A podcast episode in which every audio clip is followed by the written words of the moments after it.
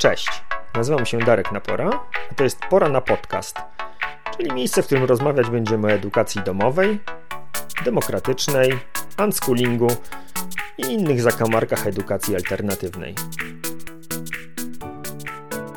W dzisiejszym odcinku Pora na Podcast zapraszam na moją solową pogawędkę na temat Beginner's Mind, czyli postawy wobec rzeczywistości, która pozwala postrzegać ją z zupełnie innej i może nowej perspektywy. Opowiem, czym jest Beginner's Mind, o roli lidera i autorytetów, o tym, jak obserwować i krytycznie reagować na pojawiające się w głowie myśli. Będzie też trochę o zaspokajaniu potrzeb i o tym, czym różnią się od strategii, a także o oczekiwaniach, przekonaniach i powinnościach. Zapraszam.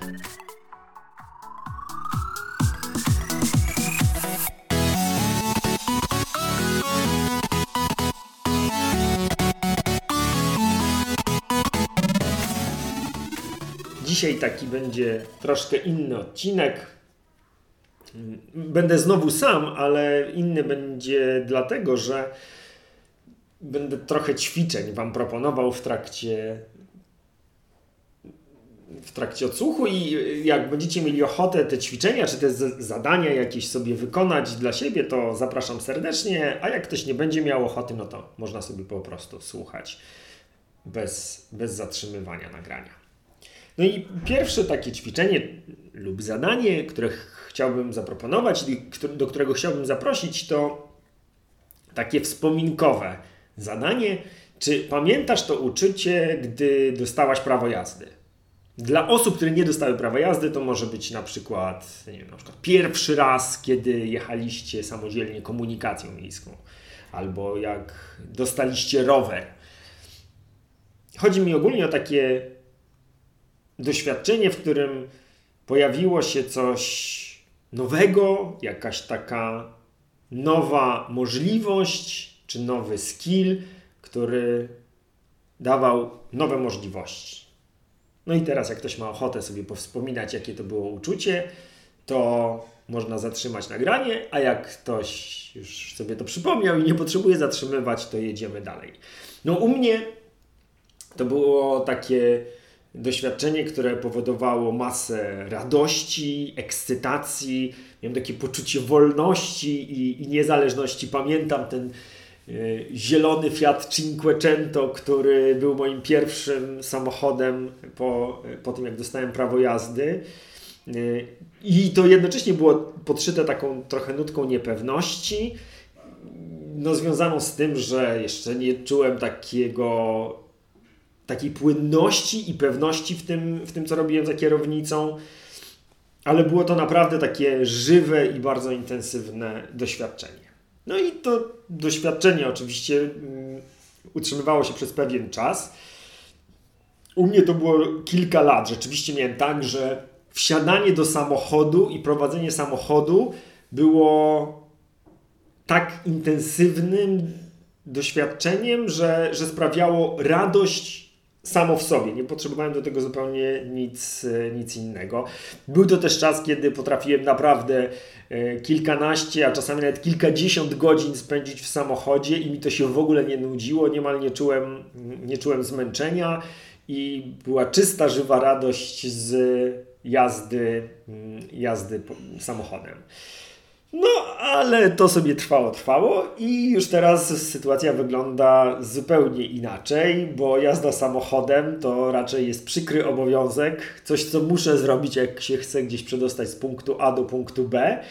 I zawsze, jak mam wybór, to wolę oddać kierownicę komuś innemu, a sam się zajmować, no choćby gapieniem się przed siebie, albo słuchaniem jakichś podcastów, lub klikaniem sobie na telefonie. No, ogólnie jeżdżenie samochodem stało się hmm, zwykłe, takie powszednie, momentami po prostu nudne.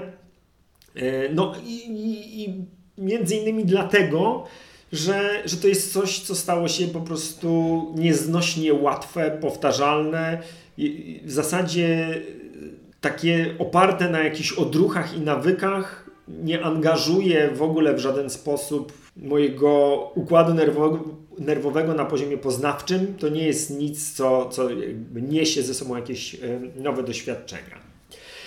No i takie doświadczenie yy, takiej pewnej poprzedniości czy, czy zwykłości to jest coś, co pojawia się w przypadku jazdy samochodem, ale nie tylko, bo począwszy od nie wiem, chodzenia, spacerowania, przez uprawianie różnych e, sportów czy dziedzin nauki, a momentami na rodzicielstwie skończywszy. To znaczy, schemat jest bardzo podobny. Na pewnym poziomie zaawansowania pojawia się taki rodzaj jakiegoś znudzenia, rutyny, no, a za nimi idącego automatyzmu i takiej bezrefleksyjności mm, zachowań. Nie wiem, czy wszyscy wiedzą o co mi chodzi, e, jak mówię o, o tej powszedniości, więc postaram się pokazać kilka przykładów tego, jak ta, ta zwykłość i powszedniość może się objawiać. No, w przypadku jazdy samochodem, jak żeśmy sobie opowiedzieli, to jest pewien poziom biegłości czy expertise, takiej eksperckości w wykonywaniu jakiejś czynności, że ona w zasadzie nie wymaga już od nas aktywnego czy takiego proaktywnego mm, obserwowania tego, co dzieje się wokół nas, tylko robimy to na zasadzie nawyków i, i odruchów wypracowanych przez wiele, wiele dziesiątków y, powtórzeń tych samych czynności.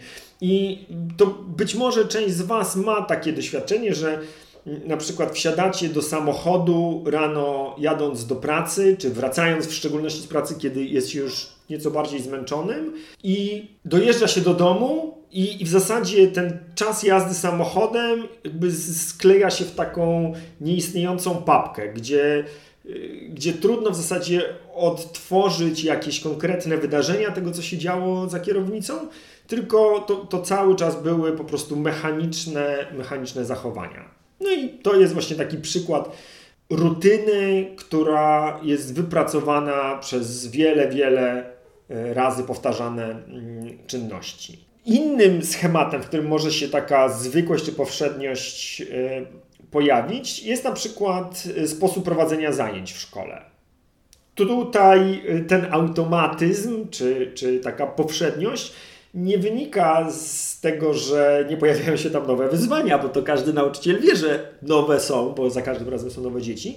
Natomiast powielane przez wiele, wiele lat metody nauczania i też treści, które są e, powtarzane przez nauczycieli przez dziesiątki czasami lat ich pracy w szkole, sprawiają, że im trudno znaleźć w tym jakąś nową, porywającą wartość i trochę jak na taśmie zaczynamy wydawać te same, te same treści, te same zajęcia, te same rozkłady, rozkłady materiału. Innym takim trochę anegdotycznym, ale bardzo y, ciekawym y, przykładem poprzedniości czy, czy zwykłości jest y, powielanie praktyk czy takich metod działania, jakiś modus operandi, które zostały nam w jakiś sposób przekazane. No, w przypadku tego tematu, który nas najbardziej interesuje, czyli sytuacji rodziców, y, no to są praktyki takie międzypokoleniowe, że tak się u nas zawsze robiło i jakby wsobnie, jako członek rodziny, zaczynamy działać, działać podobnie, jak działali nasi rodzice, którzy to działali podobnie jak ich rodzice, czyli nasi dziadkowie, i tak kolejne pokolenia wstecz. Tutaj e, to je, do, do tego fragmenciku jest taka dobra anegdotka, być może część z Was ją słyszała, o schabie i o tym, że trzeba mu obcinać końcówki przed włożeniem do piekarnika. W tej anegdocie jest kobieta, która tak właśnie robi, że zanim upiecze schab, to zawsze mu odcina ten gruby koniuszek i ten cienki koniuszek yy, i dopiero wtedy mm, wkłada go do prodiża czy do, do piekarnika. No i córeczka się pyta, mamo, ale czemu ty obcinasz ten schab? No, mama odpowiada, no bo moja mamusia tak kiedyś robiła, a twoja babcia. No to tam córeczka idzie do swojej babci i pyta się, babciu, a czemu ty tak zawsze y, obcinałaś schab przed włożeniem go do pieca? No, wnusiu, no wiesz co, moja mamusia tak zawsze robiła. To fortunna sytuacja, bo tutaj prababcia jeszcze żyje i ta młoda dziewczynka idzie do, do swojej prababci i pyta się, babciu, babciu, powiedz mi, bo ja taka jestem strasznie ciekawa, czemu y, ty obcinałaś zawsze schab y, przed włożeniem do piekarnika? A widzisz, wnusiu, bo ja miałam taką brytwankę, w której się ten schab nie mieścił, no więc zawsze obcinałam go z obu stron, żeby on tam lepiej pasował. No i to jest świetny, świetna anegdota opisująca praktyki, które czasami bardzo bezrefleksyjnie przejmujemy od swoich e, przodków, a które być może nie są już wcale dopasowane do mm, potrzeb czy możliwości, które kolejne pokolenia mm, mają w swoim zasobie czy w swoim otoczeniu. No i wreszcie bycie rodzicem jako, y, jako pewien rodzaj zwykłości czy, czy powszedniości, czy rola rodzica, która wiąże się z takim y, pewnym poziomem zwykłości czy powszedniości, no bo to jest po prostu rola, którą dorosły człowiek przyjmuje na przynajmniej kilkanaście, a czasami mm, dożywotnio y, jako, jako rolę, którą, którą będzie spełniał w stosunku do swoich dzieci. I ta rola wiąże się z perspektywą budowania takich automatyzmów, czy takich przyzwyczajeń, takich zwykłości we wszystkich tych y, poziomach, o których mówiłem przed chwilą, czyli zarówno na poziomie jakichś nawykowych y, zachowań, które sami sobie wykształcimy, jak i praktykach, które są nam przekazywane z pokolenia na, na pokolenie, jak również pewnie z was, część z Was miała okazję budować jakiś, jakiś swój obraz y, rodzica na podstawie informacji, które pozyskaliście od jakichś zewnętrznych ekspertów.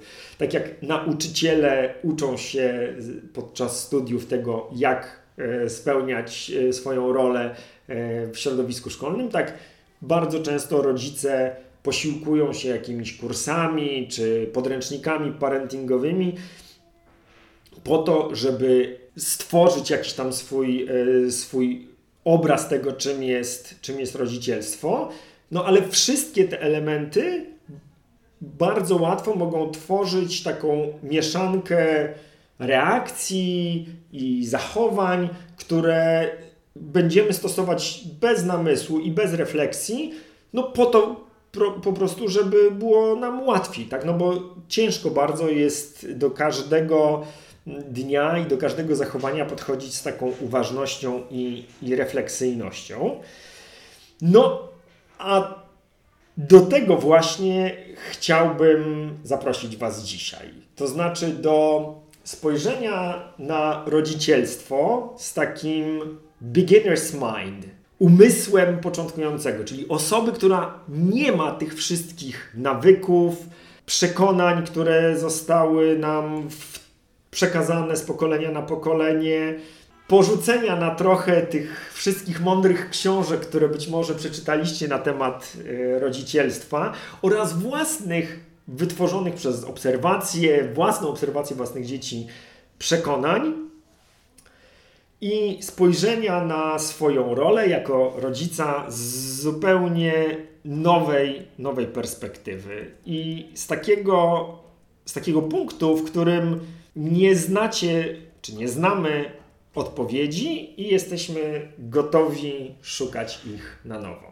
I być może zastanawiacie się, po co w ogóle taki pomysł? Dlaczego mamy sobie utrudniać życie, skoro wszystkie te nawykowe i wypracowane E, rozwiązania czy narzędzia ułatwiają nam podejmowanie decyzji, no bo nie musimy się zastanawiać nad każdym krokiem od nowa, tylko możemy po prostu funkcjonować e, w taki sposób, który ogranicza zużycie e, zasobów. No, odpowiedzi jest na to pewnie kilka i, i każdy z Was może sobie poszukać swojej własnej. Dla mnie było motywacją do tej zmiany perspektywy najzwyczajniej to, że w którymś momencie udało mi się zauważyć, że nie do końca mi te automatyzmy służą. I czasami podejmuję decyzje czy zachowuje się w taki sposób, z którego nie jestem do końca zadowolony. Dla innych osób to może być po prostu jakieś ciekawe doświadczenie intelektualne, czy jakiś sposób na to, żeby bardziej świadomie uczestniczyć w relacji y, z własnymi dziećmi.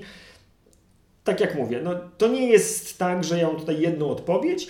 Jeżeli mielibyście ochotę sprawdzić, jak to jest spojrzeć na rzeczywistość takim beginner's mind, to bardzo, bardzo do tego y, zachęcam.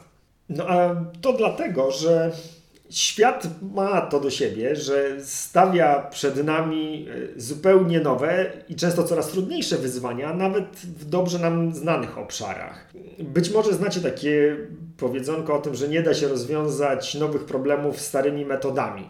I y, dla większości rodziców takie doświadczenia będą brzmiały dosyć znajomo, no bo wiadomo, że dzieciaki nieustannie się zmieniają i wraz z wiekiem zmieniają się ich strategie zaspokajania potrzeb, a co za tym idzie, zmienia się też rodzaj wsparcia, którego potrzebują, którego potrzebują od rodziców. No i beginner's mind jest y, sposobem na zaadresowanie tej różnorodności, która wszystkich nas y, czeka i tej y, mnogości i nieprzewidywalności świata naszych dzieci, który, którego mamy przywilej być udziałem jako, jako rodzice.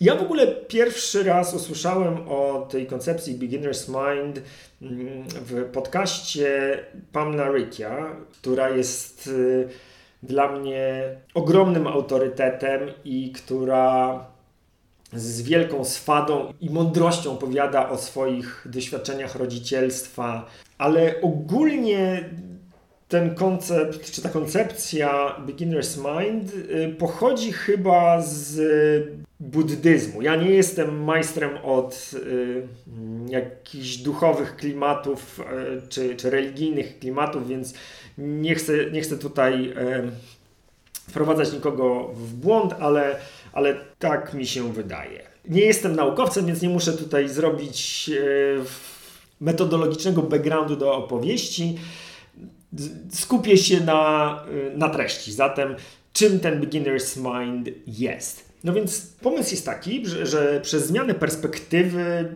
czy sposobu patrzenia na swoje działania można odzyskać dostęp do takiej ekscytacji, ciekawości i zachwytu, z jakim robi się coś po raz pierwszy, albo otworzyć się na takie nowe, dotychczas niedostępne strategie i możliwości działania. I teraz, jak, y, dlaczego to jest takie ważne z perspektywy rodziców? No, w jednej z przełomowych dla mnie książek, Nowe wychowanie seksualne Agnieszki Stein, ona pisze, że wiele osób decyduje się na zostanie rodzicem w poszukiwaniu strategii zaspokajania potrzeb z obszaru relacji z innymi osobami. No nie, czyli jakiejś tam bliskości, miłości itd. Tak Podczas gdy w rzeczywistości zazwyczaj rodzicielstwo, jeżeli już możemy o nim mówić jako strategii zaspokajania jakichś potrzeb, bo mi to trochę zgrzyta, ale powiedzmy, że tak, to jeżeli już, to może być, czy jest ono sposobem na zaspokajanie potrzeby rozwoju. Ja się bardzo zgadzam z tym twierdzeniem, bo rodzicielstwo nad wyraz rzadko y, pokrywa się z wyobrażeniami rodziców na temat tego, jak wyobrażali sobie swoją rolę. A sposobem na to, żeby miało szansę w ogóle stać się takim satysfakcjonującym doświadczeniem, jest właśnie otwarcie się na rozwój i zdobywanie wiedzy w tym obszarze. Z tym, że mm, poszerzanie wiedzy wiąże się z pewnymi zagrożeniami. Otóż u niektórych osób wraz ze wzrostem wiedzy wzrasta też gotowość na przyjmowanie czy uwzględnianie jakichś innych perspektyw i dalszych poszukiwań. Pomyłka. Nie wzrasta, tylko spada. Spada gotowość na uwzględnianie innych perspektyw. Bo jak już y, zbudujesz sobie w głowie takie przekonanie o zasadności swojego postępowania, szczególnie jeśli ta zasadność jest y, poparta jakimiś z założeniami zgrabnie skrojonej strategii parentingowej stworzonej przez kogoś z tytułem naukowym przed nazwiskiem, no to może być trudno wyjść z takiego dopasowanego do naszych osobistych przekonań e, sposobu postrzegania roli rodzica. Z drugiej strony jest też takie zagrożenie, że niektóre osoby mogą mieć takie poczucie, że nie mają wystarczającej wiedzy, żeby nazwać siebie specjalistą czy jakimś tam autorytetem i wierząc w ten schemat eksperta, który wie lepiej, jak coś, jak coś robić, mogą się czuć źle z tym, że, że tak mało wiedzą, czy tak kiepsko sobie radzą w tej roli rodzica. I to przekonanie o tym, że oni są tak słabi, a jednocześnie są ludzie, którzy wiedzą lepiej, w praktyce może im utrudniać rozwój, no bo oni wezmą sobie jakąś wiedzę od kogoś, kto twierdzi, że wie, jak to robić i pozostaną na tym, na tym poziomie, przyjmą po prostu tą jedną opowieść, czy tą jedną e, koncepcję jako własną i zatrzymają się przez to na, e, na swoim rozwoju. I mm, Tutaj taka wrzutka bardzo osobista, być może nie do wszystkich e, trafiające porównanie, ale wśród osób poruszających się zimą w górach jest takie popularne powiedzenie, że, że, które mówi: Ekspercie, pamiętaj, lawina nie wie, że jesteś ekspertem. I y, ja uwielbiam to zdanie, bo ono właśnie ukazuje dla mnie całą tę złożoność y, świata ten wymóg tego, żeby zaakceptować to, że on jest nieskończenie skomplikowany i że zawsze jest bardzo dużo do poznania i odkrycia. I to jest takie podejście oparte na otwartości na to, że moja wiedza może być niewystarczająca, żeby zrozumieć to, co dookoła mnie się dzieje. I w górach, no to jest oczywiście perspektywa, która pozwala na y, zwiększenie szans na przeżycie, czy jakiegoś tam subiektywnego poziomu bezpieczeństwa, przez to, że rozwijamy swoje umiejętności, uczymy się oceniać zagrożenie lawinowe, zwiększamy też umiejętności techniczne poruszania się w terenie, Poszerzamy wiedzę na temat y, warunków śniegowych na, danym terenie. No i y, bardzo dobrze znane wszystkim miłośnikom narciarstwa nieustanne śledzenie takich nowinek, w sensie bieżących warunków pogodowych, skąd wieje wiatr, jaka była temperatura, jaki był, jaka była wielkość opadu, co pozwala nam by stale być w procesie uczenia się na nowo tego, co się dzieje, no, bo właśnie świat, y, świat gór i świat lawin jest przynajmniej tak bardzo skomplikowany i y, rozbudowany jak relacje między ludźmi.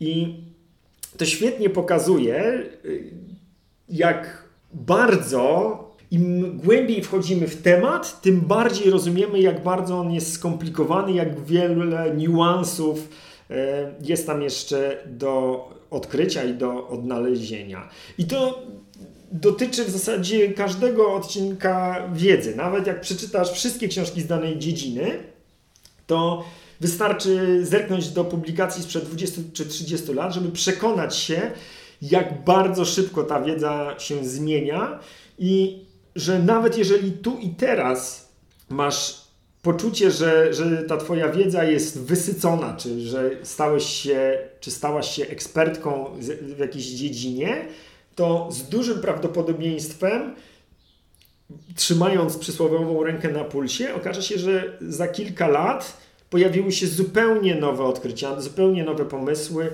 na to, jak w danym obszarze postępować. I to dotyczy w zasadzie wszystkich obszarów wiedzy, ale chyba się nie pomylę, jeśli powiem, że najszybciej te zmiany odbywają się w obszarze psychologii i e, parentingu, czy jakichś e, koncepcji e, rodzicielstwa, które pojawiają się i znikają w tempie zupełnie, zupełnie ekspresowym. Mam nadzieję, że ten opis beginner's mind, którym wam tu, który Wam tutaj zaproponowałem, naświetlił nieco, na czym y, polega ta, y, ta koncepcja. A teraz pozwolę sobie w kilku takich przykładach pokazać o tym, jak możemy zaimplementować ten beginner's mind do, do swojej codzienności, relacji z dziećmi, z samym sobą, z małżonkiem czy małżonką. No i pierwszym eksperymentem czy pomysłem, do którego chciałbym Was e, zaprosić, jest to, żeby, i teraz uwaga, to będzie eufemizm, ale bardzo mi się on podoba. Mm, chodzi mi o takie wyrażenie przyklejania się. I chciałem Was zaprosić do tego, żeby nie przyklejać się do myśli, które pojawiają się u Was w głowie e, i które jakoś tam oparte są na naszych e, doświadczeniach, e, tych przekonaniach wyniesionych z interakcji z członkami rodziny, jakichś eksperckich poradnikach. Te myśli się będą pojawiać, szczególnie na początku procesu, ale spróbujcie zaakceptować to, że one tam są i dać im sobie odpłynąć. Tutaj, jeżeli ktoś ma za sobą jakieś doświadczenia medytacji czy mindfulnessu, to e, dobrze znacie te nie dające się zatrzymać myśli, które e, nawet jak nie chcemy, to do nas, e, do nas przychodzą. No więc dokładnie o taką, e, o taką praktykę mi chodzi. Myśli będą sobie przychodzić, my im dajemy być i powoli odejść. No i teraz możecie się zastanawiać, dlaczego mielibyśmy nie zwracać uwagi na myśli, które nam przychodzą do głowy. No bo one przecież tam nie są za przeproszeniem z dupy. E, no i tutaj e, bardzo mi się podoba sposób, w jaki ujął to neurofizjolog, pan e, doktor z tytułem naukowym, tak, pan doktor Paweł Boguszewski w podcaście Tomasza Stawiszyńskiego Skąd inąd. I on powiedział coś takiego, że pamięć to jest proces twórczy, który nie polega na dokładnym rejestrowaniu tego, co się wydarzyło. Zadaniem układu nerwowego i pamięci nie jest sprawienie, żeby, żebyśmy byli szczęśliwymi ludźmi, tylko nasze biologiczne przetrwanie. No i dla mnie zrozumienie tego, że nadrzędnym zadaniem mojego układu nerwowego jest zadbanie o to, żebym przetrwał, pozwala mi dużo lepiej zrozumieć to, dlaczego układ nerwowy może nam płatać figle i budować jakieś e, opowieści o tym, jak strasznie jest niebezpiecznie i e, budować napięcie i stres i tam dźgać nas e, coraz większą ilością adrenaliny i kortyzolu. No bo on chce nam opowiedzieć i dać jaką, jakieś powody do, do tego, żebyśmy zaczęli bardziej o siebie dbać, że, że, że coś nam się może stać niebezpiecznego i, i on musi, e, musi się nami zaopiekować. No tylko kłopot polega na tym, że nasz gatunek jest tutaj na planecie od bardzo dawna, a od dość niedawna już takiego bezpośredniego zagrożenia dla bezpieczeństwa biologicznego nas jako przedstawicieli gatunku jest stosunkowo niewiele. No, tylko, że nasze układy nerwowe nie zdążyły się jeszcze do tych nowych, bezpiecznych warunków zaadaptować i dlatego szukają zagrożenia tam, gdzie go tak naprawdę wcale nie ma. No, żeby dać Wam przykład takiego, takiej sytuacji, która z pewnością w, w życiu wielu rodziców się pojawiła, to jest. Zagrożenie czy poczucie zagrożenia wynikające z tego, że kiedyś dla naszego gatunku absolutnie pierwszorzędnym warunkiem przetrwania była wspólnotowość i współpraca.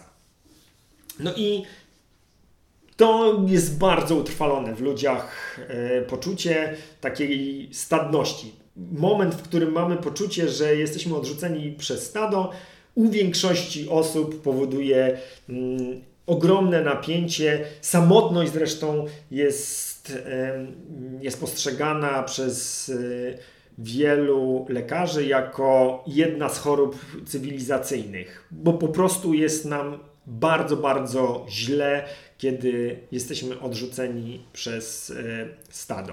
No i e, te, e, nie bez powodu często mówi się o tym, że przełomowym momentem w rozwoju cywilizacji człowieka nie było ani stworzenie narzędzi, ani budowa domostw, tylko zrośnięcie pierwszej złamanej kości udowej, bo to jest taki uraz, który no, sorry, coś tutaj w tle hałasuje. Mam nadzieję, że nie będzie tego słychać.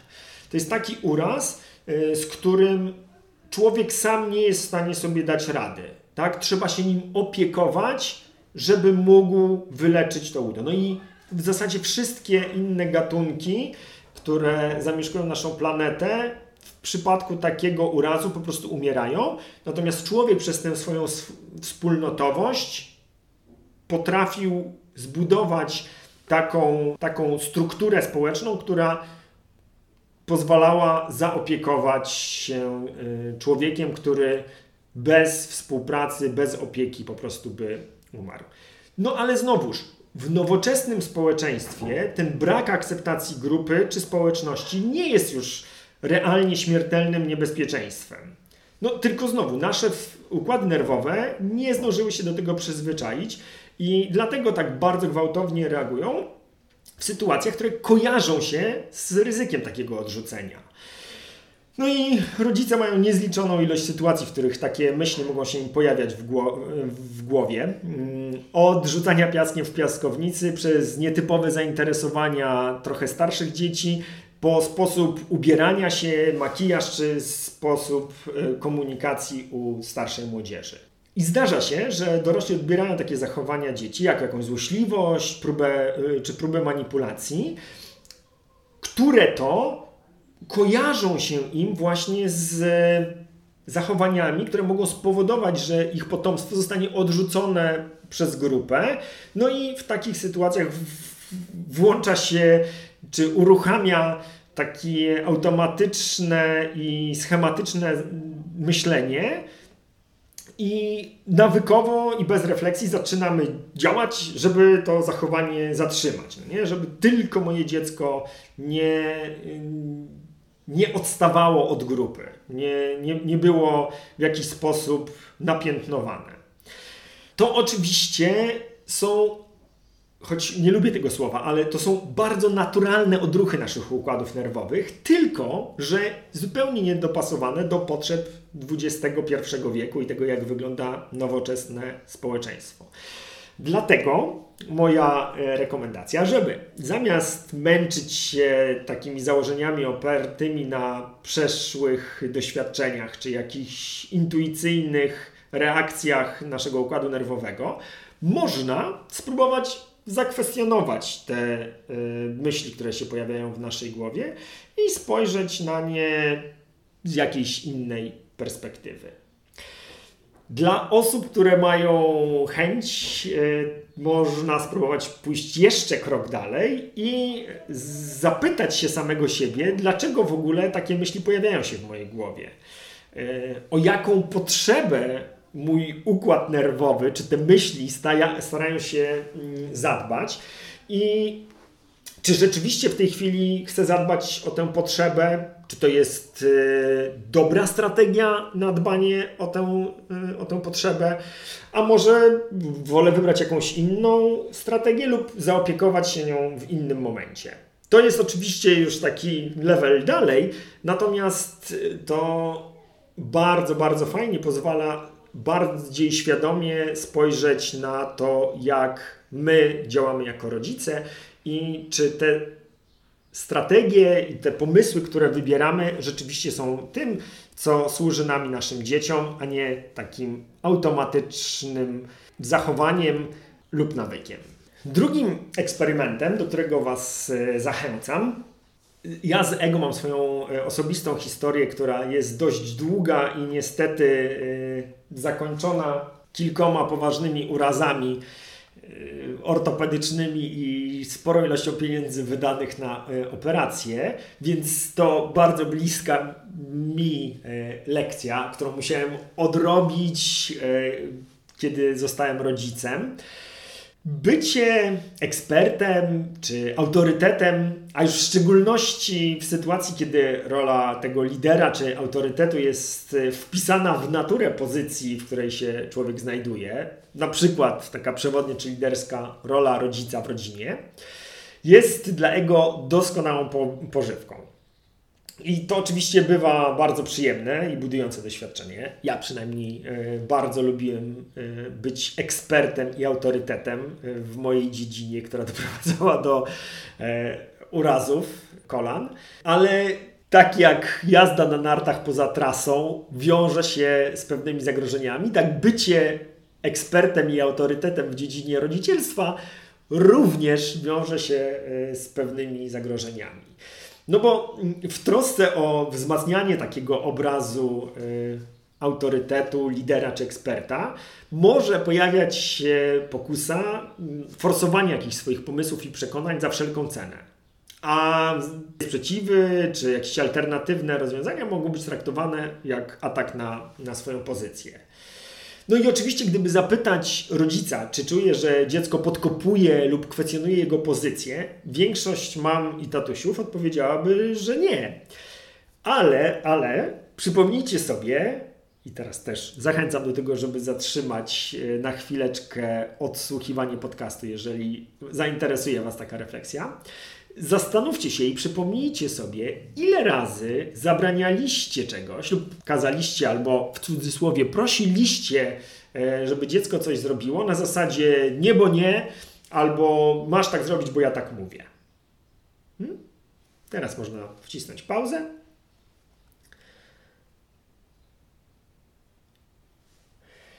No i co by się stało, gdyby tę chęć dbania o swoją pozycję, uświadomioną czy nieuświadomioną, i zazwyczaj prawdopodobnie nieuświadomioną, e, odrzucić. No, jak się jest początkującym, jak się człowiek czegoś uczy, a przypominam, gadamy dzisiaj o beginner's mindset, to zazwyczaj nie ma się racji. Zazwyczaj nie wybiera się optymalnego rozwiązania, ale w wyniku naszego działania można się cieszyć zupełnie nowymi doświadczeniami. Nie ma potrzeby posiadania racji, a do każdej sytuacji można podchodzić jak do okazji do nauczenia się czegoś nowego i doskonalenia siebie. A to w przypadku relacji z dzieckiem naprawdę bezcenne, bezcenne doświadczenie.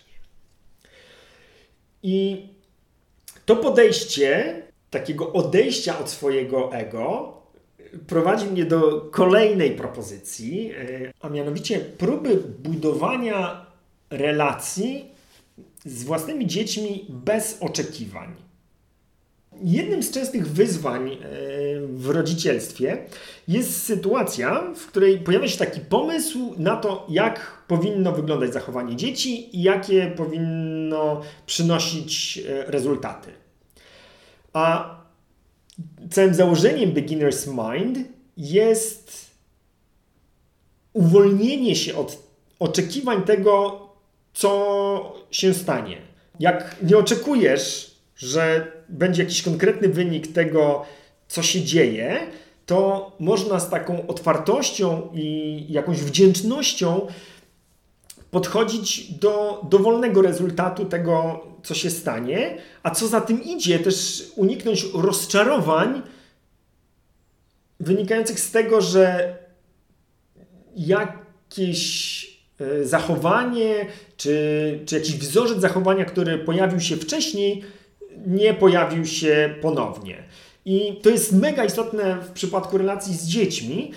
I dobrym przykładem takiej sytuacji, w której budujemy sobie pewne oczekiwania w stosunku do naszych y, dzieci, a które zupełnie nie są wyrazem ich, czy sposobem re, realizacji, czy zaspokajania ich potrzeb, tylko naszych własnych potrzeb, y, są wszelkiej maści wizyty w miejscach publicznych. Jakieś galerie, teatry, kina, czy w szczególności restauracje. To y, jestem przekonany, doświadczenie bardzo wielu osób, gdzie macie w pamięci żywo te sytuacje, w których dzieci dostawały w restauracji małpiego rozumu i utrudniały życie innym gościom, e, wam e, i nie dało się nic jeść. No a potem zdarza się sytuacja, gdzie idziecie do jakiejś restauracji i dzieci wybierają sobie coś z karty, kelner bardzo szybko przynosi jedzenie, dzieci zadowolone, smakuje im to, co dostały i potem bez żadnej awantury wychodzicie z restauracji i wszyscy są w niebo wzięci. No i jakkolwiek jest to bardzo przyjemne doświadczenie, to ono nie powinno być przesłanką do tego, żeby oczekiwać od dzieci, że następnym razem, kiedy pójdziecie nawet do tej samej restauracji, w tym samym czasie i oni wybiorą z karty dokładnie to samo jedzenie, że ta sytuacja się powtórzy. A oczekiwanie takie, oprócz tego, e, co powiedziałem wcześniej, e, może być e, szalenie frustrujące, kiedy okaże się, że z dziesiątków różnych powodów Mm, ta sytuacja będzie wyglądała zgoła inaczej. Na przykład, bo ktoś inaczej przygotuje ulubionego kurczaka waszych dzieci, albo dzieci będą bardziej zmęczone, albo w restauracji będą jacyś goście, którzy będą dodatkowym y, stresorem dla dzieciaków. No, sytuacji może być cała mnogość, a skupianie się na tym końcowym rezultacie utrudnia aktywne i takie uważne towarzyszenie dzieciakom w tym, co się dzieje dla nich w tym momencie tu i teraz, bo skupiamy się na tym, jak chcielibyśmy, żeby wyglądała ta sytuacja, a nie na tym, jaka, jaka ona w rzeczywistości jest. No więc jak to zrobić, żeby się tych oczekiwań pozbyć? No, po pierwsze, warto je sobie zidentyfikować, yy, zrozumieć, yy, na czym one yy, polegają, dlaczego tam są, a jak już uda się nam to y, określić, to y, spróbować zastanowić się, czy spełnienie tych oczekiwań naprawdę poprawi nasze wrażenia z doświadczenia. I o ile tutaj w restauracji rzeczywiście potrafię zrozumieć, że y, taki wymarzony scenariusz y, może być czymś, co, co stanowi wartość, to już jakieś nowe doświadczenia wcale obciążone takim obrazem tego, jak chcielibyśmy, żeby to wyglądały, mogą nie zyskiwać, a wręcz tracić na, na jakości. No i ostatnie pytanie, które warto sobie zadać, to jakby to było przejść przez to doświadczenie bez żadnych oczekiwań, tylko skupić się na tym, co dla nas i dla naszych dzieci dzieje się tu i teraz. Kolejną propozycją, którą chciałbym Wam e, złożyć, jest e, słowo, które zupełnie nie pasuje do XXI wieku i naszej demokratycznej, kapitalistycznej rzeczywistości, a mianowicie chodzi o to, żeby zwolnić. Ja teraz wiem, że z, mówić zwolnij i nie spiesz się jest trochę nie fair, ale beginner's mind to taka przestrzeń na to, żeby znaleźć właśnie miejsce i przestrzeń na to, żeby robić rzeczy bez pośpiechu, żeby skupić się na tym, jak rzeczy wyglądają, jak e, smakują, jak pachną, jak się poruszają i każdy aspekt czynności odkrywać tak troszkę, troszkę na nowo. I to jest kawałek, e, w którym ja miałem ogromny, mm, ogromną drogę do przejścia, bo ja jestem dosyć frikiem punktualności i, i bycia wszędzie, e, wszędzie na czas. I było dla mnie ogromnym odkryciem, kiedy zauważyłem, że tak naprawdę to ten niepokój i napięcie związane z spieszeniem się w różne miejsca głównie siedziało u mnie w głowie, a nie w tym, co się w rzeczywistości działo. I to właśnie rodzicielstwo i potrzeba bycia na jakichś tam treningach i zajęciach dodatkowych e, w poszczególnych dniach tygodnia e, było dla mnie taką przestrzenią, żeby zobaczyć, że mimo, że nie ma żadnych konsekwencji tego, że jesteśmy gdzieś spóźnieni 3 minuty, to we mnie to napięcie i ten stres spowodowany tym, że się tak dzieje, był równie wielki jak w sytuacji, kiedy spóźniłbym się na jakieś mega istotne mm, spotkanie. Więc to nie rzeczywistość generowała ten dodatkowy, to dodatkowe napięcie i stres, tylko moje postrzeganie tego, co się działo. I tutaj y, w tym y, kawałeczku chciałem Was zaprosić do takiego eksperymentu trochę mindfulnessowego. O ile nie prowadzicie teraz samochodu, to wy, wyłączam to zaproszenie. Jeżeli sprowadzicie auto, to, to nie róbcie tego, o co Was za chwilę poproszę. Ale jeżeli robicie cokolwiek innego, jeżeli jesteście teraz na spacerze, albo sobie siedzicie, albo jesteście gdzieś w łóżku, spróbujcie włączyć u siebie takie beginner's mindset i zwolnijcie to wszystko, co, y, czym jesteście teraz y, zainteresowani. Wyłączcie na chwilkę podcast i spróbujcie z taką uważnością kilkulatka. Przypomnijcie sobie, jak byliście, jak wychodziliście z małym dzieckiem na spacer. Jak ono było zainteresowane każdym najdrobniejszym szczegółem tego, co się wokół nich dzieje. A to kwiatuszek, a to y, tekstura asfaltu, a to wiatr, a to przeleciał motylek. Spróbujcie teraz spojrzeć na siebie, na swoje ciało, na to, co się dzieje w waszym otoczeniu z takim właśnie umysłem początkującego. Osoby, która nie wie jeszcze, jak się siedzi, nie wie jeszcze, jak się chodzi, nie wie, jak się zmywa naczynia. Spróbujcie z taką uważnością, ciekawością być może z jakimś kwestionowaniem tego, w jaki sposób robiliście do tej pory, spojrzeć na te czynności i spróbujcie doświadczyć tego, jakie uczucia będą się u Was pojawiały. Być może jakieś zaciekawienie, być może e, jakaś, e, jakiś e, rodzaj mm, ekscytacji, u mnie zawsze się wtedy pojawia wielki uśmiech na twarzy i takie e, coś na kształt radości, jakiegoś takiego filuternego e, kwestionowania tego, co się robi z rzeczami i, i, do czego one służą. Więc jeżeli macie ochotę na taki eksperyment, to zapraszam Was bardzo do zapauzowania teraz podcastu i e, poobserwowania siebie i swojego otoczenia w ten sposób.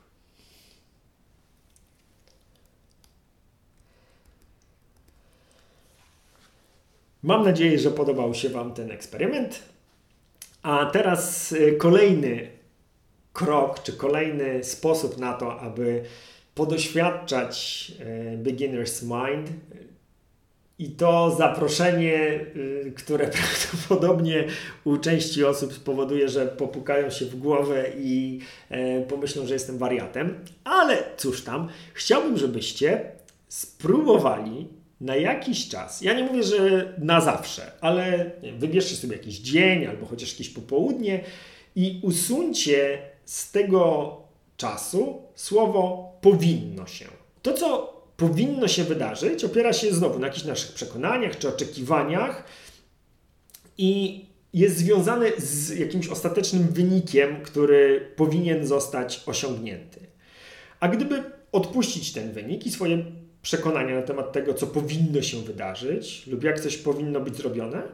Dzieciaki będą robić, co chcą, rozniosą chałupę yy, na drzazgi, będą, się, będą żreć cały dzień słodycze, nie położą się spać i całymi dniami będą grać w gry komputerowe. I teraz ja wiem, że to sobie trudno wyobrazić, że, że może być inaczej, i pewnie zresztą yy, za pierwszym razem tak by było, no bo to jest powszechna sytuacja, że kiedy mamy jakiś ograniczony dostęp do gier, słodyczy, czy na przykład nie kładzenia się spać, no to jeżeli mamy nagle e, nieograniczony dostęp, no to będziemy po prostu chapać, żreć ile się da. Mm, ale obiecuję, jako osoba z dziećmi, które w zasadzie nie słyszą e, takiego słowa, że coś się powinno albo czegoś nie powinno się robić, że e, dzieciaki to są mega łebskie osoby i bardzo szybko skapują się, że kiedy rzeczywiście my jako dorośli nie podchodzimy do tego jako do jakiejś sztuczki czy mm, takiego oczekiwania, że coś się stanie, to one nagle zaczynają zauważać, że ich organizm, ich układ nerwowy, ale też ich samopoczucie mega istotnie wpływa na to, jak im się funkcjonuje w relacji y, z innymi ludźmi, i że to jest takie sprzężenie zwrotne, że kiedy dostają od rodziców zaufanie, że one umieją siebie zadbać, to one dbają o siebie w takim poczuciu, że rodzice są w tym z nimi, że, że to jest wzajemna troska o siebie i o swoje, mm, i o swoje relacje. No i ta propozycja e, prowadzi do kolejnego i ostatniego już sposobu praktykowania beginner's mind w rodzicielstwie, czyli do podążania za dzieckiem.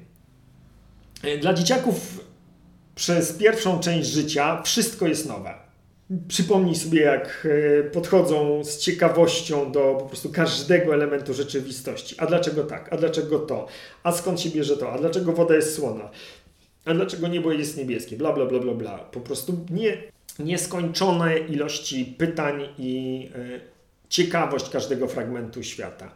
Niektórzy żartobliwie i trochę z przekąsem twierdzą, że to zaciekawienie mija i pokrywa się mniej więcej z momentem, kiedy dzieci trafiają do szkoły. Ha, ha, ha.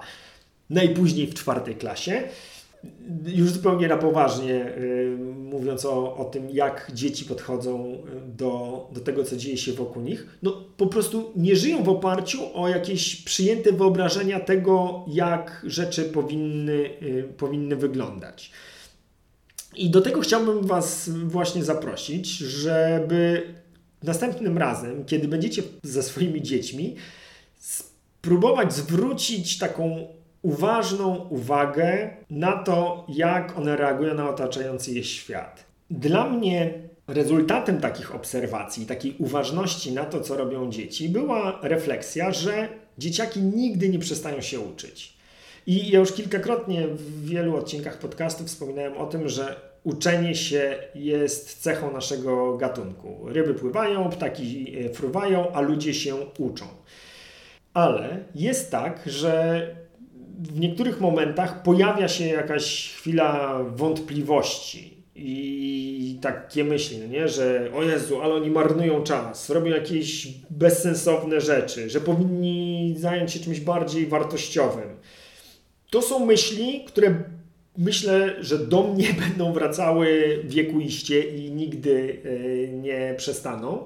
Natomiast po kilku latach obserwacji siebie i własnych dzieci, wiem już, jak sobie radzić z takimi sytuacjami. Chciałem Was również zaprosić do tego, żebyście spróbowali w ten sposób adresować te swoje wątpliwości, kiedy one się będą pojawiały.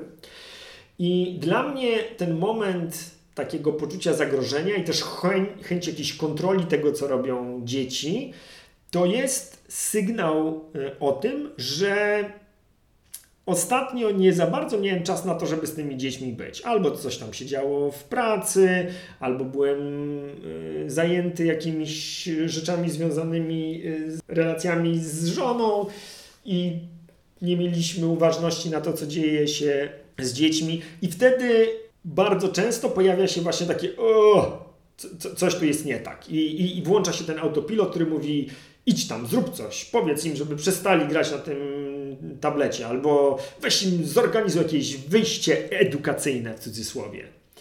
No i po tych kilku latach towarzyszenia moim dzieciom wiem już, że jest to moment, w którym powinienem się zatrzymać i przyjść do moich dzieci, odrzucić tą swoją liderską czy ekspercką rolę osoby, która wie, co zrobić, i spojrzeć z uważnością i troską na to, co oni robią. Zaręczam, że kiedy przyjdziecie do swoich dzieci i spojrzycie, ale nie w taki oceniający, ekspercki sposób na to, co oni robią, tylko rzeczywiście oczami swoich dzieci na to, co się dzieje w tej grze, w którą właśnie grają.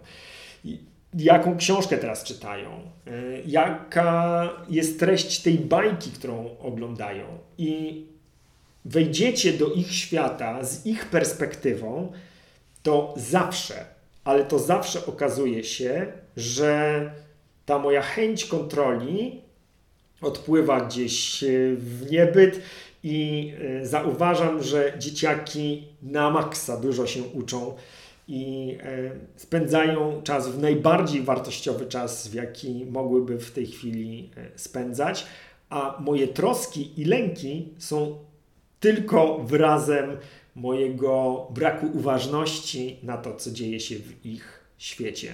Mam nadzieję, że dla tych z Was, którzy nie słyszeli jeszcze o e, Beginner's Mind, umyśle początkującego, to była ciekawa i nowa perspektywa, a dla tych, którzy go już znali, e, to mam nadzieję, że jakiś moje, mój wgląd w tę koncepcję był dla Was e, ciekawym doświadczeniem. I jeżeli mielibyście ochotę podzielić się ze mną lub z kimś innym tym, jak postrzegacie Beginner's Mind w swoim rodzicielstwie, to jestem bardzo żywo zainteresowany i możecie napisać e, w komentarzu pod podcastem w Spotify lub napisać na priv do mnie. Dzięki za dzisiaj i do usłyszenia za tydzień. Dzięki za wysłuchanie kolejnego odcinka Pora na podcast. Jeśli uważasz, że był wartościowy, cenny, ciekawy, to zachęcam Cię do udostępnienia go.